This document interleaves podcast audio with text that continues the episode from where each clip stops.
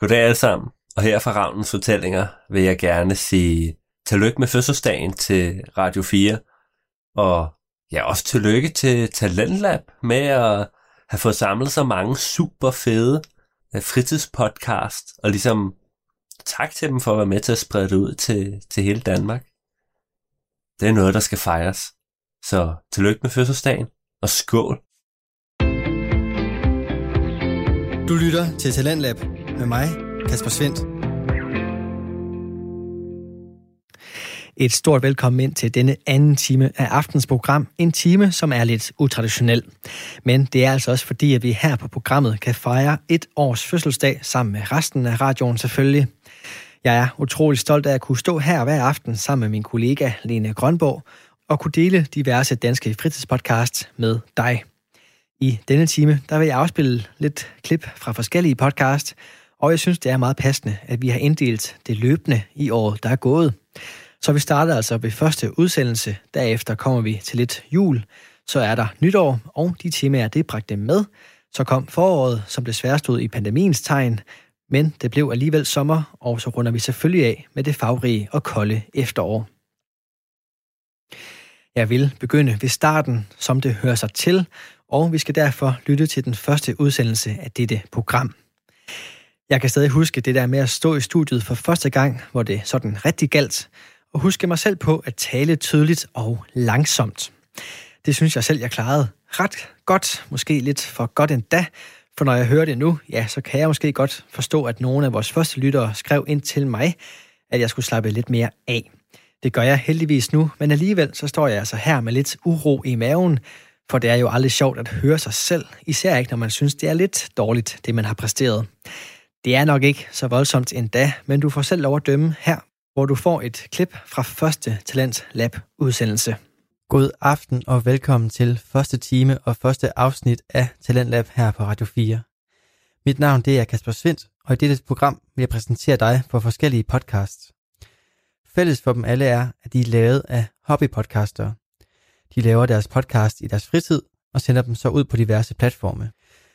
Nogle har flere afsnit end andre bag sig, men fælles for dem alle er, at der er et potentiale, som jeg gerne vil hjælpe frem, så deres podcast bliver præcis det, de gerne vil have. Og hvorfor skal du lytte til dem? Jo, fordi de gør det, som vi mennesker gør aller, aller bedst. Vi deler med hinanden. Vi fortæller historier, danner fællesskaber og skaber ny viden. Så se på det her som et udviklingsprogram for podcasterne og et essentielt og menneskeligt program for dig. Du lytter til Radio 4. Det var sådan, det hele startede et år tilbage, den 1. november 2019. Den første udsendelse af Talents Lab, som forresten bød på afsnit med faldskabspodcasten Skyhugt og samtalepodcasten Brok Salongen. Skyhugt sender stadigvæk, men er dog gået ned fra ulige udgivelser til en gang om måneden, mens Brok Salongen desværre ikke eksisterer længere. Men sådan er det jo med fritidspodcast. De holdes i live af fritiden, sjovt nok, og når der ikke lige er tid til at passe det hele ind, det at lave podcast, vel er mærket, så er man desværre nødt til at stoppe. Det er ikke kun Broksalongen, vi har været nødt til at sige farvel til her i programmet, men heldigvis så har de fleste af vores afskeder med podcast, som har været inde omkring programmet, sket af lykkelige omstændigheder. Du kan således finde både for eksempel børnepsykologi og ledelse gennemtænkt som selvstændige podcast nu, faktisk så har verden bag ledelse gennemtænkt Jakob Lindeberg endda satset helt på mediet og giver nu både gode råd og kurser på egen hånd. Vi havde også fornøjelsen af at sende et par afsnit fra hiphop-podcasten Dråben, og den har nu indgået et samarbejde med musikmagasinet GAFFA. Det er et samarbejde, jeg ser frem til at følge sådan på egen hånd, og så synes jeg simpelthen, det er så fedt og imponerende af Dråben, at de er kommet igennem med det samarbejde. Bag podcasten der står Louis Bosch og Emil Seest. Nå, men efter programmet det var kommet godt i gang og havde gennemgået nogle små ændringer, så stod julen pludselig for døren. Det betød blandt andet, at vi kunne dele julekalenderen Umbas Jul, som blev produceret af Katrine Høj Andersen og Solvej Christiansen. Her der kan du høre, hvordan det eventyr begyndte.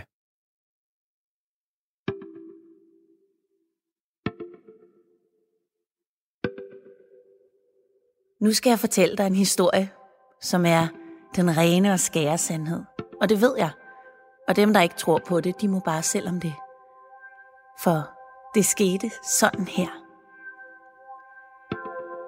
Umbas jul. 1. december. Inde på sit værelse lå der en vred Umba. Nej, hun var ikke vred, hun var rasende. Hun var gal som en trold. Hvorfor hun er så vred? Ja, det kan jeg faktisk ikke huske, men vred, det var hun. Hun var så rasende, hun råbte, jeg flytter hjemmefra. Døren ind til Umbas værelse var lukket.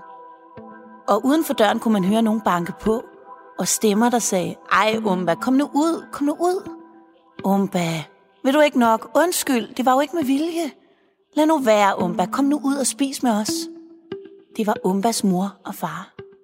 Men Umba var så vred, at dynen sidrede, og hun skreg med sine lungers fulde kraft. Gå væk! Jeg flytter hjemmefra! Nå, nå, sagde Umbas farmor, og så kunne hun høre, at de satte sig ved bordet og begyndte at spise. Umba rystede af ejerskab, da en lille stemme afbrød hendes tanker. Hallo? Hallo? Hvad? sagde Umba. Hvem er det? Det er mig, det er... Ja, undskyld, nu skal jeg præsentere mig selv. Det er nisseagent Bartolin Fyrkant. Und, undskyld, sagde Umba helt forvirret. Hun blev et øjeblik i tvivl, om hun måske drømte. Ja, du hørte rigtigt. Nisseagent Bartolin Fyrkat. Jeg er kommet fra nissernes rekrutteringsservice. Af hvad for noget, sagde Umba. Pludselig glemte hun, at hun var vred. Og hvorfor? Bartolin Fyrkat. Nemlig, ja, korrekt. Jeg er kommet med en invitation. Aha, sagde Umba. Hvor er du? Ja, ja, ja, ja. Jeg er nede under sengen. Kommer du så ikke herop? spurgte Umba. Nej, nej, sagde Bartolin Fyrkat. Nej, det er bedst, at du ikke ser mig forløbig. Jeg er jo en nisse. Øh, fik jeg sagt det? Øh, ja vel, ja, sagde Umba, men hvad vil du? Jeg er kommet for at tilbyde dig grundkursus 1, nisseri for begyndere. Hvad? sagde Umba. Ja, naturligvis med mulighed for at fortsætte på Nisseakademiet, så fremt du gennemfører eksamen den 24. december. Jamen, jamen, sagde Umba helt forvirret. Hvorfor mig? Åh, oh, jo, jo, ser du, hørte jeg dig ikke lige sige, jeg flytter hjemmefra? Jo, sagde Umba. Jo. Ja, ser du, sagde Bartolin Fyrkat. Det står skidt til med nissestanden for tiden. Jeg er ude og rekruttere nye nisser. Vi er blevet for få. Vi har simpelthen brug for lidt mere magi og kærlighed i tilværelsen. Og ja, der er nisser simpelthen uundværlige. Du lytter til Talentlab med mig, Kasper Svendt. Og Umbas Jul er altså ikke den eneste podcast, som havde lidt julestemning i sig. Og her der skal du høre nogle af de andre fritidspodcast, som havde julens bud med sig. Og julens budskab er hjerternes fest. Det kan vi alle sammen godt blive enige om. Men noget af det, vi også taler om, det er, at vi har en masse forventninger.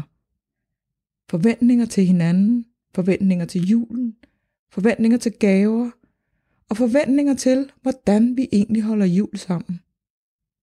Alle de forventninger, de kan godt lede til skuffelser. Skuffelser over, at andre ikke opfører sig, sådan som vi egentlig gerne vil have, de skal opføre sig. Det er ikke sikkert, de andre opdager det, fordi forventninger er kun noget, vi har inde i vores eget hoved. Men de forventninger, som bliver talt offentligt om, de kommer også ind i vores hoveder. Vi tror, at tingene skal være på en bestemt måde, og vi kan blive usikre på, hvordan det egentlig er, vi skal holde jul. Fordi vi gerne spejler os i andre, hvordan holder de jul? Og fordi at vi på en eller anden måde gerne vil noget nyt, men det skal også være traditionelt. Og i disse tider, hvor at øh, familier bliver blandet på kryds og tværs, så er der også forskellige måder, vi er vokset op på med at holde jul. Du lytter til Radio 4.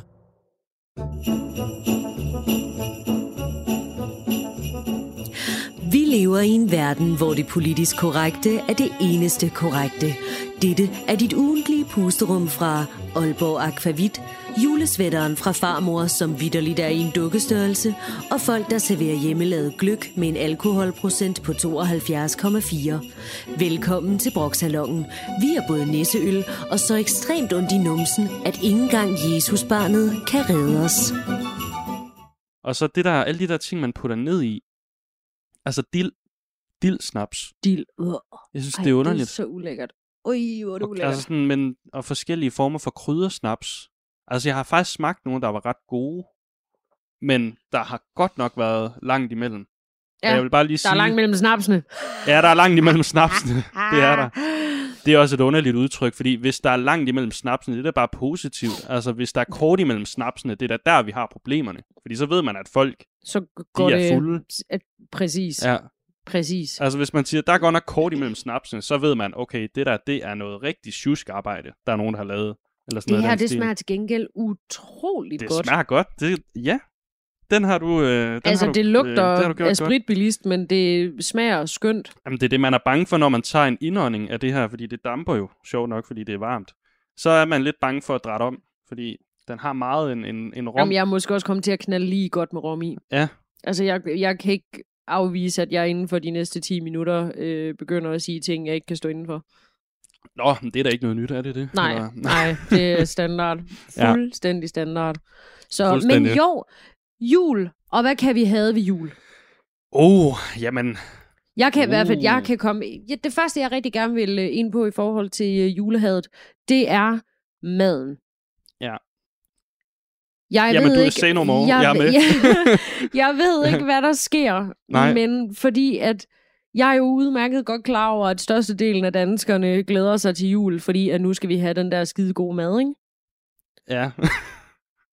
Mm, Vi skal have endnu mere svin, end vi plejer at få. Nej, men jeg, og jeg spiser jo slet ikke svinekød. Nej, det gør jeg jo egentlig det, heller ikke. Det er altid lidt spændende for mig. Der bliver altid lavet and til mig juleaften, ja. fordi at jeg simpelthen nægter at røre ved det der. Jamen, vi får altid an. Vi har aldrig fået flæskesteg. Er det Det har jeg aldrig forstået. Folk, der får det. Ej, men, Også fordi jeg har, altid, jeg har aldrig rigtig sådan brudt mig om flæskesteg. Fordi jeg synes, det er så kedeligt. Især fordi, du ved... Og så er der altså den der evige battle med, kan vi få øh, sværnes brød og Ja, ja. total panik Men også over fordi, det. der er, jo, der er jo ikke særlig mange, der køber en god flæskesteg. Altså sådan, hvis, hvis vi skulle købe en flæskesteg hjemme med mig, det var blevet den billigste. Fyldt med vand, og jeg ved snart ikke... Altså sådan, du ved, penicillin og alt, hvad de putter i. Uh, jeg så en... Eller det... Eller, Undskyld. Ja. Nå, nej. ja. Ej, altså sådan, vi, mine forældre er meget sådan med økologi, men lige med, altså lige med, jeg tror lige med en flæskesteg, der ved jeg ikke, om, om den ligesom vil overleve det der, det Nej. der, den der, ja, Nej. med at der helst ikke, at det helst skal Ja. være økologisk. Juleevangeliet. Mm-hmm. Ja. Jeg ved ikke helt, hvad, hvad Jomfru Maria, hun egentlig... Øh, altså sådan, hun, hun, hun, var det, det var faktisk... Jeg ved ikke, om det var hende, men det var Jesus, der fik alle gaverne. Og hun kunne ligesom bare sidde tilbage, og så bare være... Altså, jeg synes lidt, noget af det, som man måske mangler lidt i, i hvert fald vores tros del af, hvis vi skal snakke feminisme, det er, at man hører ikke så meget om Jomfru Maria efterfølgende. Man hører om, om Jesusbarnet og om de tre vise mænd Ja. og hyrden, og Ja. så hører man ikke så meget mere om hende. Nej, det er faktisk rigtigt. Det var måske egentlig også lidt det, jeg ville frem Ja. til. Det var sådan lidt, hvad, hvad, what's in it for her? Jamen, ikke rigtig så meget? Nej. Hun har bare båret barnet. Ja, præcis. Bare sådan, ups, Ja. det må være helligånden. Ja. ja. Øh, plop. Og så heller ikke rigtig noget at snakke om, hvordan og hvorledes, og at det var bare Josef, der tog hende til sig, og så var han jo nærmest sådan frelseren, ikke? Ja. Men det er også bare lidt skægt, hvordan at den der historie, den kan gå fra, at man nærmest ikke hører om hende, til hun bare bliver en helgen lige pludselig Ja. hos Men- andre. Øh, men hvis man skal indtænke lidt feminisme i det her, så, så er der jo faktisk en trosretning, har jeg læst om, hvor det er, at den er feministisk kristen, men det, det praktiserer man ikke ikke i Danmark, og det, og det siger jeg kun, fordi jeg har læst det et eller andet sted på internettet, øh, fordi at man vælger folkekirken, som er et bredere, hvad kan man sige, det rammer bredere end et politisk, hvad kan man sige, øh, religiøst, øh, hvad, jeg, ved ikke engang, hvad det hedder, men øh, Retning, religiøs øh, retning. Øh, og det er jo egentlig, det er jo lidt sjovt. Netop også, øh, som Michael han fortalte mig tidligere, så i folkekirken, der er der jo plads til alle mulige mærkelige præster. Øh, han fortalte om, at i Aarhus er der en, øh, en kirke med tre præster. Der er en, øh, en ung, fejstig præst, og så er der en, øh, en kvindelig præst, og så er der en, øh, en, en præst, som er det, man kalder en sort præst. Og ikke i farven sort, men Tro. Ja, han, øh, Holdningen. når, når kvinden har været inde og prædike, så, så laver han åbenbart djævleuddrivelse efterfølgende. Og det er jo vildt. Ja. Det er jo sindssygt, at man kan, altså, at man accepterer det i en folkekirke, som ligesom er det, der skal være bredt for alle. Sorry, men det synes jeg. Du lytter til Talentlab med mig, Kasper Svendt. Vi er i gang med at kigge tilbage på det første år af Talentlabs levetid, programmet her på Radio 4, som deler og udvikler nogle af Danmarks bedste fritidspodcasts. Men hvad betyder det her ord fritidspodcast egentlig? Jamen, udover at det selvfølgelig betyder, at podcasten her de bliver lavet i værternes fritid, så har det den betydning, at værterne bag podcasten her, de altså har altså valgt at bruge deres tid på at dele deres stemmer, deres historier og deres meninger med dig. Og på den måde, så giver de noget af sig selv og bidrager ind til en fælles pulje af viden og historier, som vi alle sammen går rundt med. Hvis du har en fritidspodcast, og du også har lyst til at skyde din stemme, fortælling eller mening ind i den her fælles pulje, så kan du også få den sendt her i programmet. Det gør du Jeg går ind på radio4.dk og udfylder vores Talentlab formular, hvor du kan vedlægge et afsnit eller en smagsprøve på din podcast og sende den vores vej. Vi har ingen begrænsning for, hvad din podcasting kan eller skal handle om, for her i programmet, der tror vi på, at det, du har at fortælle, det har vi lyst til at dele. Der er heller ingen krav til længden på din podcast-afsnit, eller hvor tit du sender sådan et. Som sagt, så er vi i gang med at kigge tilbage på året, der er gået i Talent Lab, og en af de helt store markeringer, både i programmet her, men også i selve året, er selvfølgelig nytår. Det giver anledning til at kigge tilbage, men også frem, og her der skal du høre klip fra podcast, som brugte starten af 2020 på at se fremad. Der kommer også nogle konsoller og sådan noget i 2020. Altså konsolspil eller nye konsoller? Nye konsoller. What? Der kommer jo en PS5. Det er så faktisk PS5 gør det. Men ja, jeg tænkte jo lige, altså vi skal jo rumme folk, der ikke er PC Master Race. Inklusionsklassen, vi er tilbage til. Ja. Alle skal være med. Og Xbox Series X. Hvornår, som, øh, hvornår annoncerede de PlayStation 5? Det er, Er det lang tid siden? ja, noget tid siden, de annoncerede Jeg troede 4'eren var sådan, altså, nu går det lige lidt tid før 5'eren kommer ud. Jeg tror også, 4 er ret gammel efterhånden. det. Ja, ja, det var nogle år siden efterhånden. Time flies. Yes, when you're having fun. exactly. Du lytter til Radio 4. Så er det 2020. Det er det. Har du haft et godt nytår? Ja, rigtig fint. Hvad Ja. med dig? Ja, stille og roligt. Det har været øh, helt udmærket, synes jeg. Så er vi klar til 2020 med film, fordom, forbier. Mm. Ja. Øh, hvad har vi af planer for øh, 2020? Vi vil gerne øh, brande os noget mere, Mm. tror jeg. Så vil vi gerne øh, lave lidt mere underholdning. Øh, vi starter i dag med at prøve det, og så øh, ser vi, hvordan det går. Jeg vil selvfølgelig gerne høre, hvad I synes om, mm. at der Mhm. kommer lidt mere underholdning i, så det ikke bare er Cecilia og jeg, der snakker, men at der måske kommer nogle sjove quizzer, eller hvor ja. Ja. vi tester hinanden på nogle ting. Vi er jo samlet her i dag, får jeg lyst til at sige, for at lægge kort for 2020, Ja. som jo er en ny begyndelse på et nyt årti. Ja.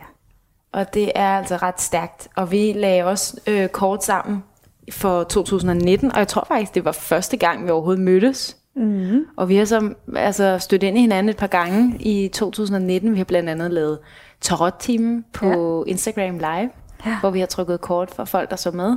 Det var ret hyggeligt. Det har været ret hyggeligt. Okay, jeg trækker tre kort.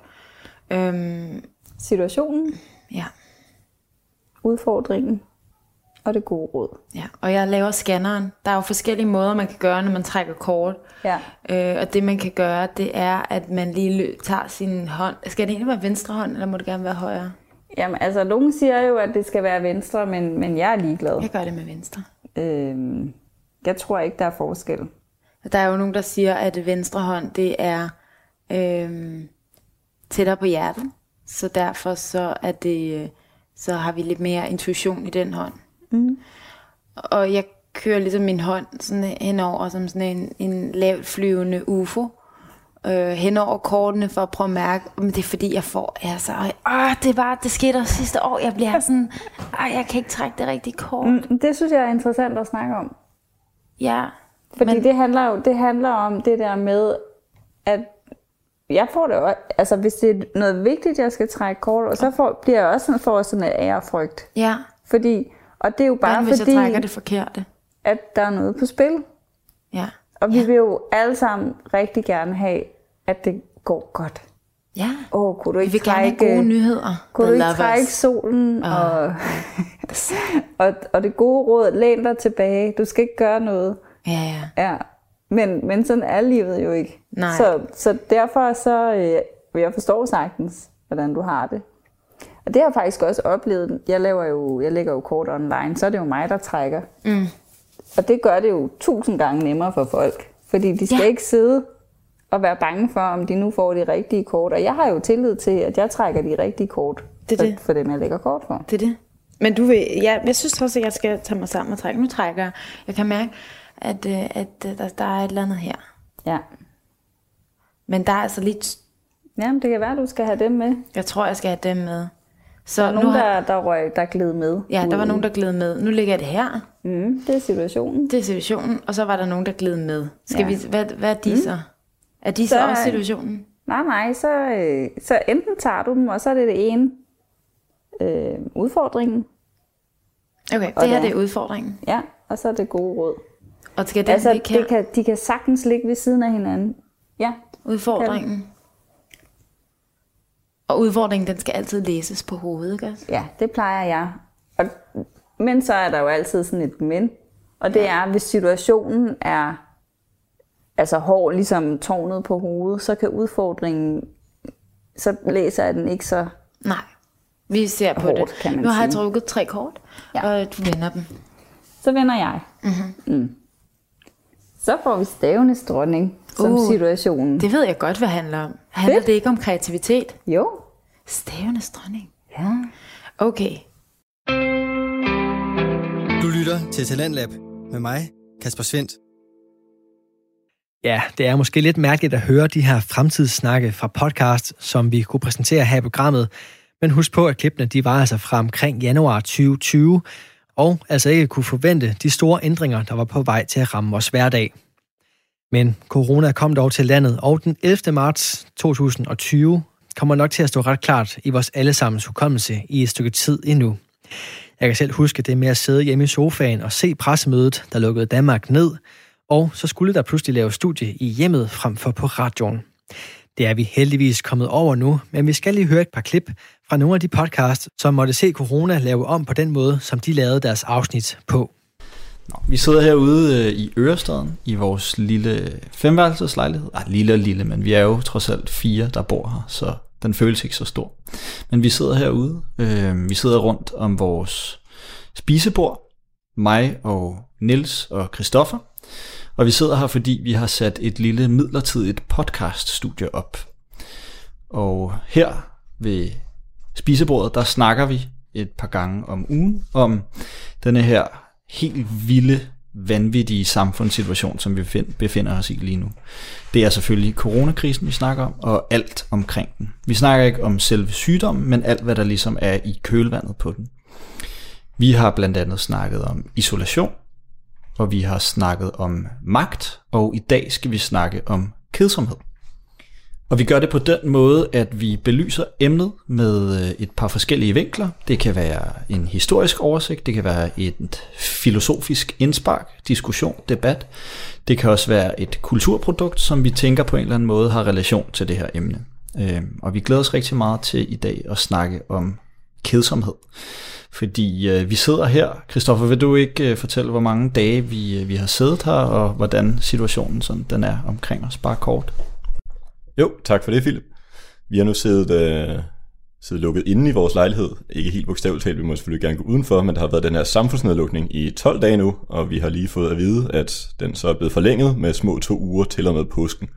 Status øh, rent smittemæssigt er, at der er lige under 1600 smittede danskere, mm. som er testet positiv i hvert fald. Det reelle tal er nok væsentligt højere, og der er 301, der er indlagt.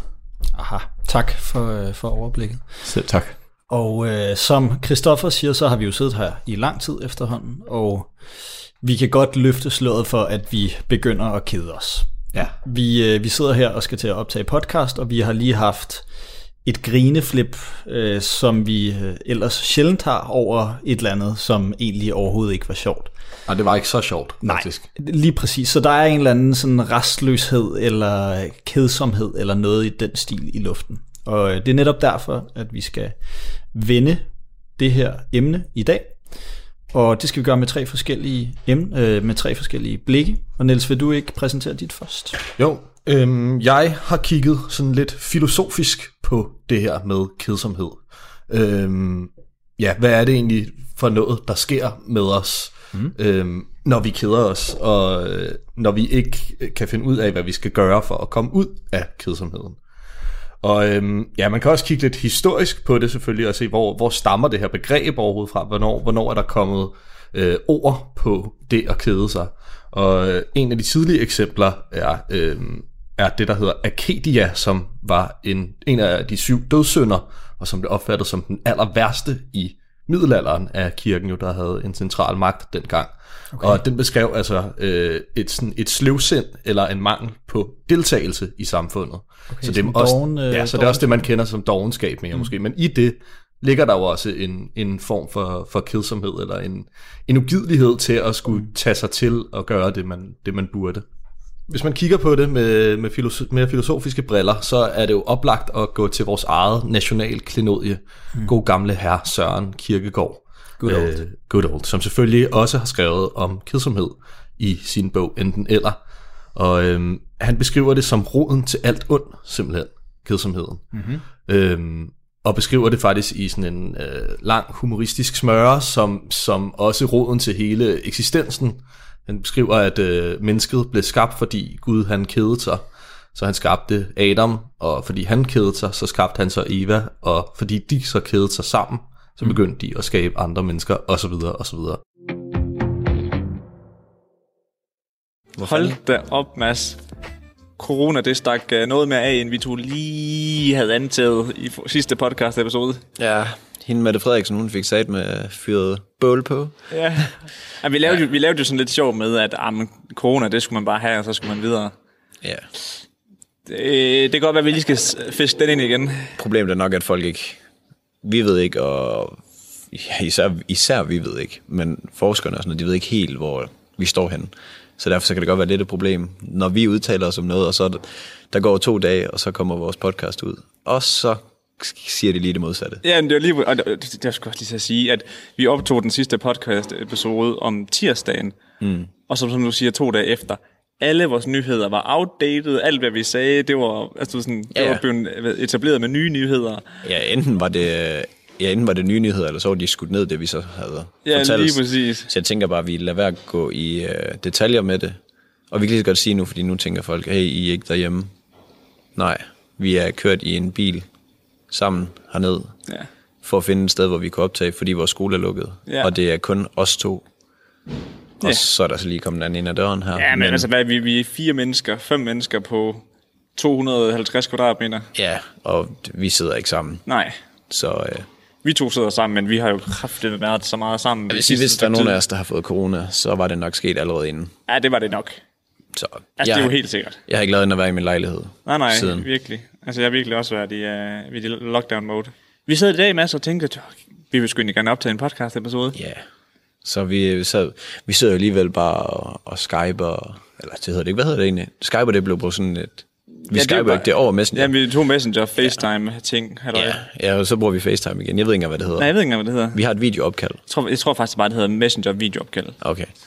Øhm, og det, det er jo sgu bare rart at mødes til en podcast, fordi kvaliteten ja. bliver så hylende. Nej, i, dengang vi, sidst vi prøvede at arbejde over FaceTime, eller over Messenger, der, oh, kæft, jeg, jeg, jeg kan ikke. Ah, nej. Jeg kan ikke. Nej, nej, altså, jeg får meget lyst, mere lyst til at game, Jamen lige når præcis. jeg sidder der. Og jeg er også bare sådan, så, så når jeg så sidder og lytter til dig, der, så nogle gange, så, er jeg sådan, så taber jeg lige ud, for jeg sidder på min computer, og så er sådan, og så det første, man gør, det er lige at søge på Facebook, Instagram. Og så er man sådan, ups, nå nej, jeg sidder faktisk til undervisning. Ja, ja, ja jamen, lige præcis. Eller du ved, sådan, jeg sidder faktisk på arbejde. Så.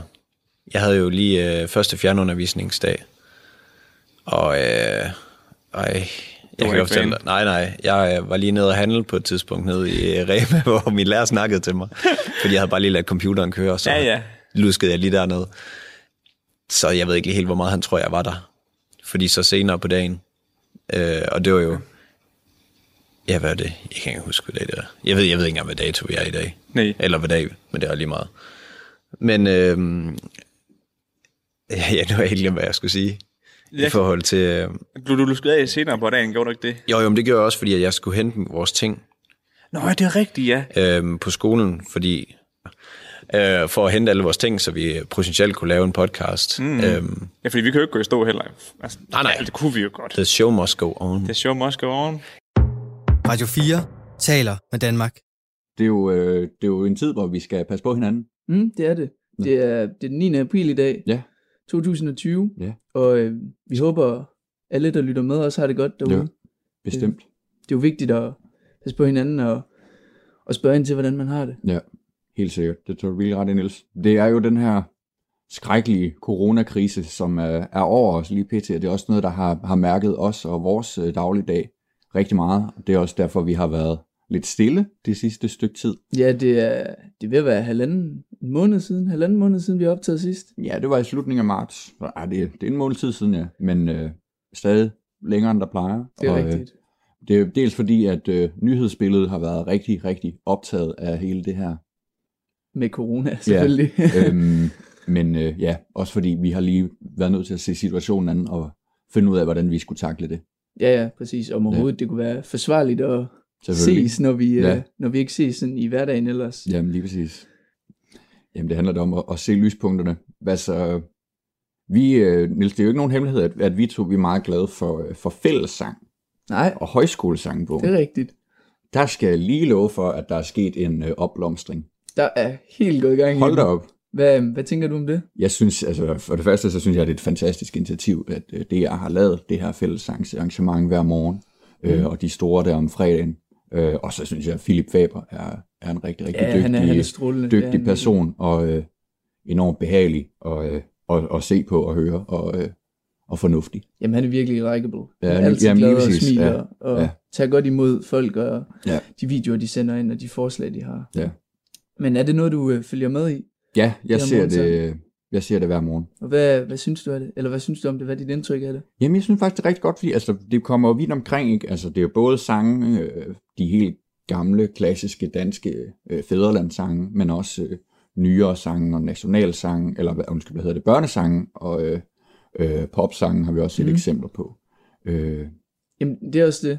Jeg, t- altså, jeg tænker, Ønslag og Ja. ja. Grundtvig og alle de andre gamle præcis, digtere, ja. de, de ligger og smiler i graven. mm.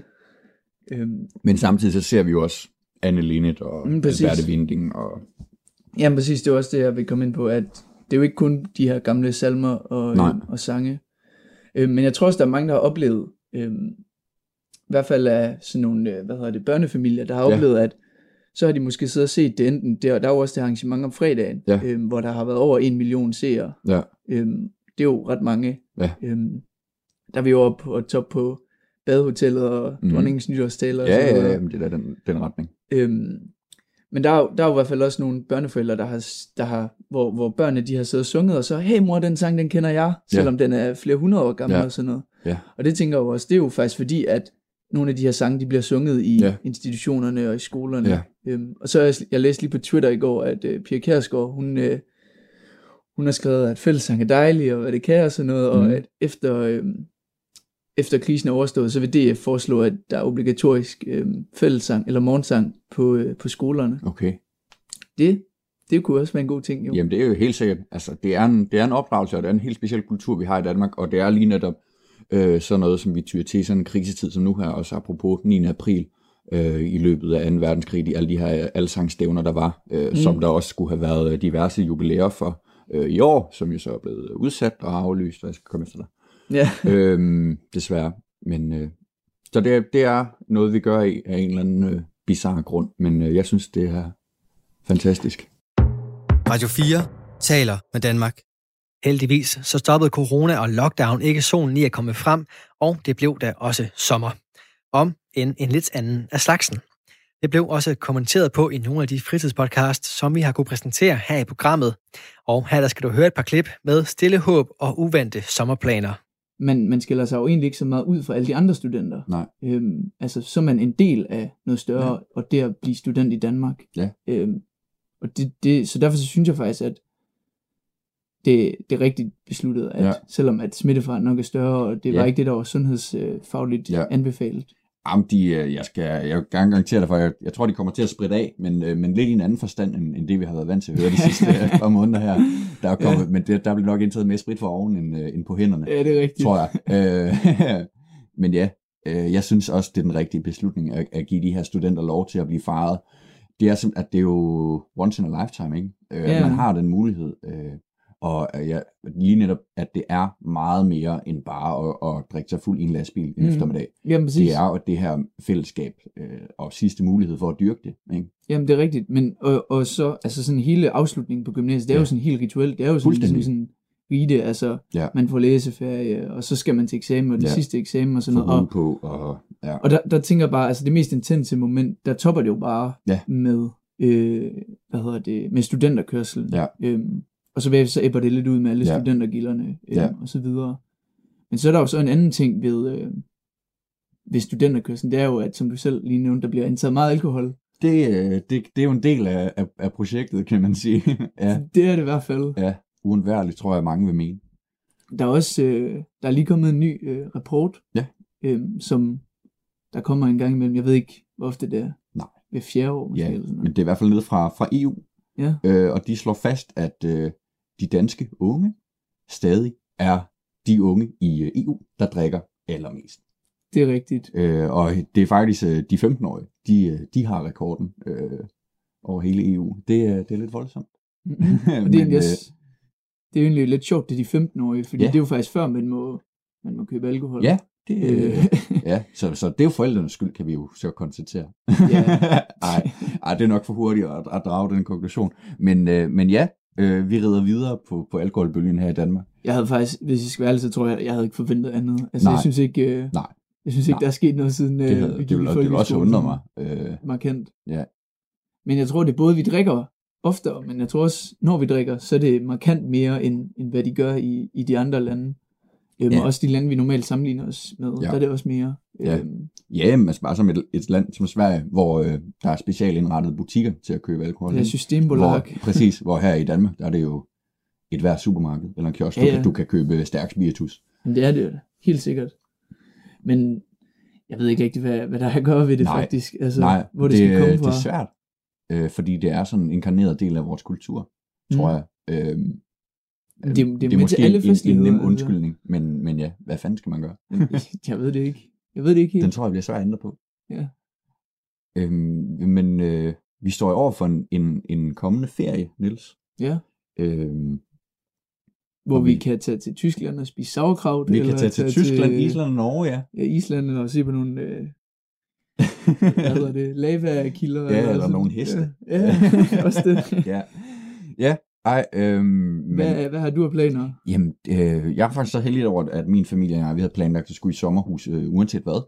Øh, Mm. Så, så det, er, det er stadig efter planen. Så jeg har ikke nogen udlandsrejser, der er blevet aflyst i hvert fald. Nej, okay. Øhm, men det skal jeg da i hvert fald ikke. Jeg skal da være herhjemme. Det, det er jeg helt sikker på. Jamen det skal jeg også. Jeg, skal, jeg tænker, jeg skal til Bornholm og fange ja. laks. Nå, hvor hyggeligt. Ja, det lyder sgu godt. Det, det er planen lige nu. det, øh, du skal ikke fange sild? Nej, nej, det, nej, det ved jeg ikke. Laks. okay, okay. Ja, Fair nok. Nu må vi se. Ja. Øhm, Niels, jeg havde en, øh, en, en ven her forleden, der pointerede det her med, at det her det er egentlig vores sådan, sidste ferie. Ja. For du og jeg, nu går vi i 2G, ikke? Næste år, når vi bliver færdige og bliver student, så er vi jo rent faktisk ikke ferie bagefter. Så, så, øh, så, så er vi der bare. Ikke? Så er vi, så er vi frie mennesker. Ja, ja, det kan man simpelthen lige at sige. Ikke? Øhm, at det synes jeg på en eller anden måde er lidt skræmmende, fordi for, for et halvt år siden, der stod vi jo og kunne sige, at vi var halvvejs igennem gymnasiet, øh, og, og nu mangler vi det, altså, det, vi lige har været igennem. Og det, det synes jeg virkede som, okay, det er over- overskueligt, men, men Der er, alligevel der er et lang, stykke der er tid lang til, tid. altså. Men nu står vi kraftet med her for sommerferie. Øh, Jeg gør i morgen, ikke? Ja. Øh, og så, så, så synes jeg, at, at virkeligheden begynder sådan lidt at banke på døren. Du lytter til Radio 4. Den første anbefaling, det er egentlig at prøve at læse en bog. Øh, den ligger lidt i forlængelse med den næste, jeg kommer i, øh, med. Men læs en bog, fordi hvis du ligesom har noget, du kan... Jamen noget, du kan udfordre din hjerne med hver evig eneste dag, så skaber det både noget, hvad kan man sige, noget mening med dagen, at du kan gøre det hver dag, og du kan se frem til i gåsøjen, at du skal læse den her bog. Det skal selvfølgelig være en, der rent faktisk interesserer dig, men samtidig også, at du kan udfordre din hjerne, så den rent faktisk bliver aktiveret, hvis nu du sidder og sumper fuldstændig en eller anden søndag eller et eller andet. Så kan du lige finde en bog frem og læse i, lidt i den. Øh, jeg er gået i gang med en... Øh, ja, hvad er det egentlig? Det er jo lidt en fodboldbiografi. Det handler om øh, ham her forfatteren, der har skrevet bogen, at øh, han skal til at flytte med sin kone over Atlanten. Øh, og han har fået lov til at tage 32 fodboldprogrammer, altså de her, hvor der står startopstillinger i, og hvilke spillere der er med, og så står der lidt om spillerne, og står lidt om klubben, og står lidt forskelligt i de her fodboldprogrammer. Dem har han samlet sammen virkelig mange af. Øh, så jeg tror, han har 1100 forskellige fodboldprogrammer. Øh, og der har han fået lov til at tage 32 med, når de skal rejse over Atlanten. Så der hører man om de 32, som han har samlet, og hvorfor det er, han har samlet dem. Og der er sådan nogle små historier om selve kampen, og hvad der skete inden kampen, og så videre, og så videre, og så videre, hvorfor det er, at det ligesom er hans favorit. Øh, super fed bog, den hedder bare 32 programmer, jeg kan ikke lige huske, hvad han hedder. Jeg tror, det er noget Dave Roberts, eller noget i den stil. Øh, men 32 programmer hedder den altså. Så læs en bog, det er sgu meget hyggeligt. Og lidt videre fra den af, som sagt, så øh, få en fast rutine. Altså jeg kan godt mærke allerede her, når vi har haft sommerferie, at jeg lidt har manglet en fast rutine, også med alt det her corona-hejs. Øh, man har lidt manglet, at der ligesom skulle ske noget. Jeg ved ikke, om det er noget, du, du har oplevet. Ja, altså, øh, det, du har lidt taget alle mine overskrifter. Det, det her, det er jo sådan nogle ting, jeg kunne finde på at komme ind på. Øh, både det der med en bog, jeg kan da huske øh, for længe siden, at vi, vi havde en gæst med, hvor det var, at jeg blev drillet lidt med det der med at læse bøger. Ah, det er vel ikke noget, man gør. Øhm, og jeg synes heller egentlig, egentlig heller ikke, at jeg får læst nok, så det er måske også en god en, lige at få med der. Øh, men, men, men lige tilbage til den der med, med et program, jamen det er jo, det er jo super vigtigt. Øh, vi snakkede også om det sidst i slutningen. Det der med at få en rutine, få nogle ting, som bare sidder på ryggraden, man bare kan børste tænder osv. osv. Øhm, men også noget med at jamen, træne, øh, eventuelt læse bøger, det er jo også en god vane at have. Øhm, og, og, og ja, altså, det kan jeg da godt mærke, at når der, er, der ikke er struktur på dagen, så kan jeg hurtigt ende med at bare spille en hel dag på, på ikke rigtig at lave noget. Øhm, jeg har sådan en lille ting med, at jeg, jeg har en tavle, sådan en øh, tustavle, ikke? Der skriver alle de ting op, jeg skal, jeg skal lave. Øh, så det vil sige, jeg har hele tiden, jeg behøver ikke at have det op i hovedet, jeg har hele tiden alle de ting der, der, øh, der skal gøres, ikke? Øhm, men øh, så ja, meget enig. Ja, også fordi det der med sådan, altså det kan meget hurtigt blive, at du bare sidder og stener en hel dag, hvis du ikke har en rutine. Og det ved jeg, jeg synes personligt selv, at det gør, at man, altså man bliver jo ikke syg af det, men, men, men, men man får det sgu lidt skidt, fordi man har det sådan lidt, jamen, hvad har jeg lavet i dag? Absolut ingenting. Altså, det er okay at slappe af en dag eller to, det er det, man har weekenden til. Men bare det der med, at man har ligesom noget, man kan stå op til, fordi ellers så bliver det sgu lidt kedeligt. Ikke at lave noget. Øh, altså jeg ved også, nu skal vi to begge to starte på studie. Øh, og det synes jeg personligt bliver rigtig rart, fordi man ligesom kommer ind i en fast rutine. Det kan godt være, at skemaet ikke er fuldstændig fastlagt, men du kommer i hvert fald ind i en rutine, hvor du ved, jeg skal gøre det her, jeg skal gøre det her, jeg skal gøre det her. Og sådan er det. Det ved jeg, jeg skal hver uge. Du lytter til Radio 4. Altså her i øh, coronatiden, så øh, er vi jo mange, der er begyndt at kigge ind mod Danmark af naturlige årsager, fordi ja, udlandet, eller det meste udlandet er jo lukket. Øh, og jeg fandt jo også din blog, og har fulgt den længe øh, og med stor interesse. Og det blev i hvert fald blevet mere relevant for mig nu også, hvor vi kan rejse ud med en rejse med Danmark. Kan du mærke den her øgede interesse på din hjemmeside også? Ja, det kan jeg jo se. Jeg kan jo se, at antallet af sidevisninger har været øh, stødt stigende siden øh, marts, øh, hvor landet blev lukket ned, og hvor der har været endnu større behov for, at folk har, har let efter hjælp og gode idéer til, hvordan kommer vi ud i naturen, hvad er det for ting, vi kan lave sammen med vores børn. Øh, hele foråret og sommeren er jo højsæson for mig, når det gælder altså sidevisninger. Det er jo der, folk de søger information om, om rejser og ferier, øh, men jeg kan jo se det, det er ekstra meget i år. Og det hænger også sammen med, tænker jeg, den tendens, der er i samfundet, med at flere og flere vil gerne have nogle autentiske naturoplevelser, flere og flere vil gerne rejse mere bæredygtigt, og der kommer cykelferie jo bare ind som en løsning på, på alle de udfordringer. Det her med at, at cykle og bruge sin ferie på at cykle, er det en interesse, du altid har haft, eller har du også været en, der har rejst jorden rundt, som nogle af os andre har gjort? Øh, hvordan opstod din interesse for det her? Ja, det er svært at sige. Altså, jeg har øh, været spejder, da jeg var barn, og øh, jeg kan sige, jeg tror, jeg var på min første cykelferie, da jeg var 14-15 år, sammen med en veninde. Øh, der cyklede vi op i Nordjylland langs Vestkyststien, og det var med en, med en mælkekasse bag på bagagebæret til vores bagage, og sådan helt lavpraktisk et gammelt telt. Men jeg har altid dyrket den her type ferie, og så har jeg heldigvis mødt en, en rigtig sød kæreste, som har den samme passion. Og vi har vandret meget, og været på cykelferie, kanotur kajak sammen, også før vi fik børn, og så har vi videreført den interesse. Du må jo have en hel masse erfaring med at tage på cykelferie og cykeltur. Har du sådan tal på, hvor mange ture du har været på, og kan fortælle lidt om det? Ja, altså jeg har ikke tal på, måske, hvor mange cykelture jeg har været på, men jeg ved i hvert fald, at de sidste fem år alene, der har jeg cyklet 5.000 km på cykelferie rundt omkring i forskellige steder i Europa sammen med mine børn. Så det er blevet til en del timer i cykelsadlen igennem årene. Det her med at, at cykle med børn, det kunne jeg også godt tænke mig at lige høre lidt om. Øh, hvad, hvad, hvad siger dine børn til at, at tage på cykelferie?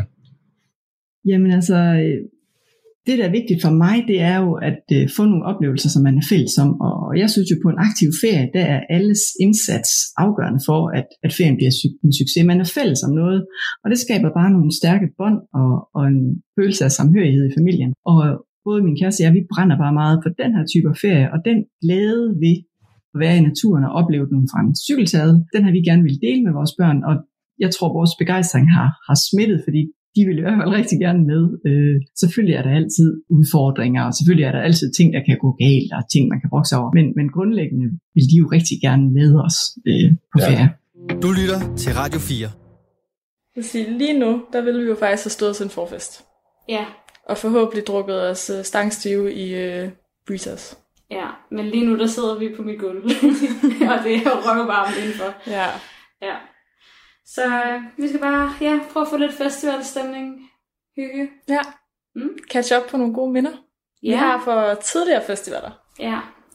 Altså, jeg har jo ikke været på Tinderbox før. Det skulle være mit første år ja. i år. Jeg havde glædet mig røve meget. Ja, jeg havde også glædet mig vildt til at skulle sådan introducere dig ja. for Tinderbox. Nu du synes, det var lidt kedeligt i Odense. Mm. Og så er det jo faktisk nu, at Odense blomstrer ja. og sit bedste. Ja, og så, ja, så kan vi ikke få lov. Det skal det, vi ikke snakke om. Det er sgu lidt ærgerligt. Ja. Øhm, men jeg, jeg har jo kun været på Roskilde Festival ja. før, og så har jeg også været på øhm, Wonder Festival på Bornholm. På Bornholm, ja. Ja, det er ligesom min festivals... Hvordan vil du sådan, hvis du nu skulle beskrive Roskilde med tre ord? Uh, beskidt og sjovt og Ja, altså noget kærlighed. Der er sgu god stemning. Ja. Der er kærlighed i luften, altid. Be- beskidt kærlighed. Beskidt kærlighed og bare mega Sjov stemning. Ja. Hvad med Wonder, hvis du skulle beskrive det med tre ord? Okay. Det er mega hyggeligt. Mm. Og småt. Og... Ja, det er svært sådan at sætte tre ord på det, men det er... For eksempel på Roskilde Festival, hvis du skal stå forrest til en koncert, så skal du jo nærmest ligge kø et døgn. Ja. Men på Wonder, der er der ikke særlig mange mennesker sammenlignet med, så der kan du bare lige stille dig op foran scenen en halv time før, og så står du bare aller forrest. Ja. Og det er bare mega fedt, altså. Ja. Så på en måde er der mere plads, selvom det er så småt, for der er bare ikke lige så mange mennesker. Nej. Du lytter til Talentlab med mig, Kasper Svendt. Ja, er godt i gang med at kigge tilbage på året, der er gået her i Talents Lab, som er Radio 4's program, der kigger ud på den store talentsmasse, som de danske fritidspodcast udgør. Vi inviterer dem indenfor og giver på den måde dig mulighed for at høre nye stemmer, fortællinger og meninger, alle sammen fra dine medmennesker. Og vi er kommet til den sidste årstid, som vi jo befinder os midt i nu. Efteråret har det også fyldt i nogle af de podcasts, som vi har kunne præsentere her i programmet, og du kan høre, hvordan det lyder lige her.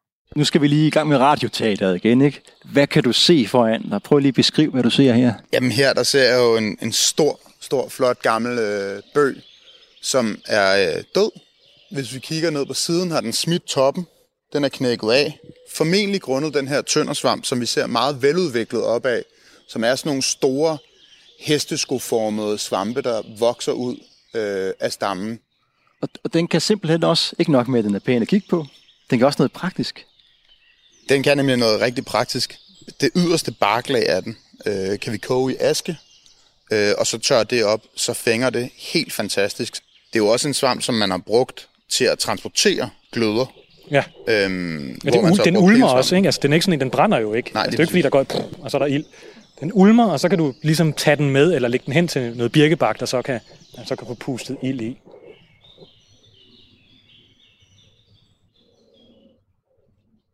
I fik øje på en, øh, en ting, vi måtte, vi måtte lige øh, tage en, et stop og kigge. Hvad har I, hvad har I fundet her? Jeg er ret sikker på, at det er en uh, svoldporsvamp, vi har her, der er i fuld gang med at, at spise det sidste af, af den her e. Eller, der er faktisk ret meget tilbage af den endnu, ikke? Så der er et par års måltid tilbage. En E på den her længde, sådan cirka.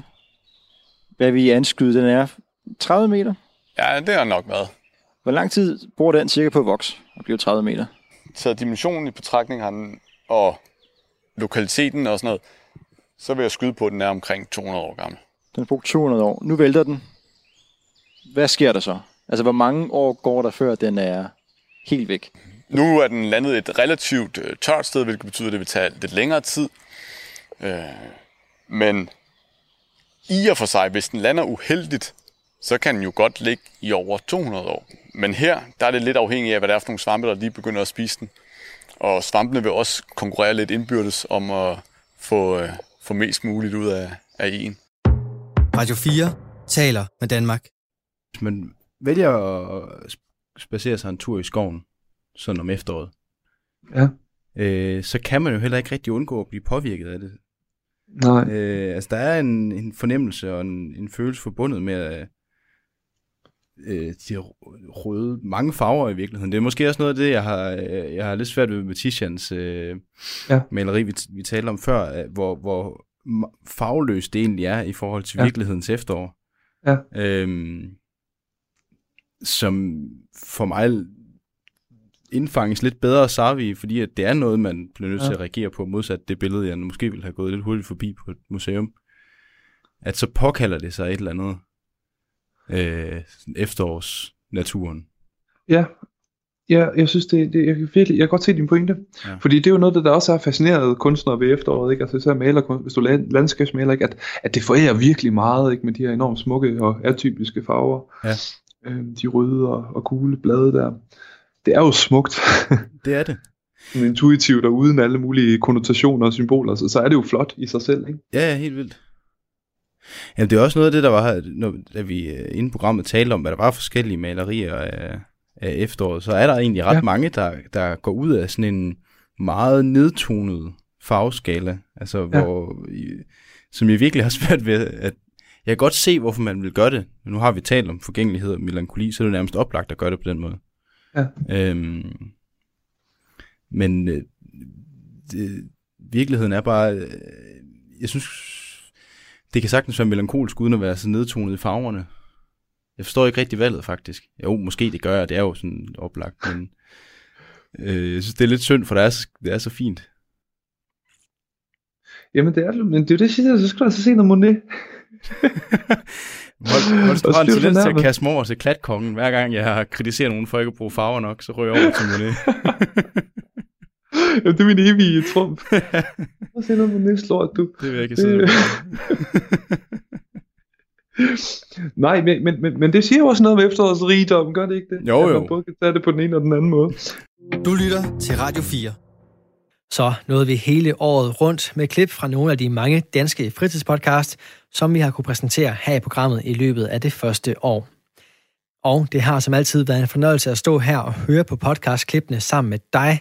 I denne time, der var det selvfølgelig noget utraditionelt med et tilbageblik på året, der er gået, men i første time, der var det lidt mere normalt, da jeg kunne præsentere et nyt podcast-afsnit for dig. Det kom fra Hyperbold med Oliver Christensen og Mark Tolstrup, og de havde besøg af fodboldjournalisten Martin Davidsen. Mit navn er Kasper Svens, og sammen med min kollega Lene Grønborg, så står jeg klar hver aften her i programmet med afsnit fra nogle af Danmarks bedste fritidspodcast. Vi vender tilbage til normalen igen i morgen. Indtil da, så er det blevet tid til nattevagten her på kanalen. God fornøjelse og på genlyt.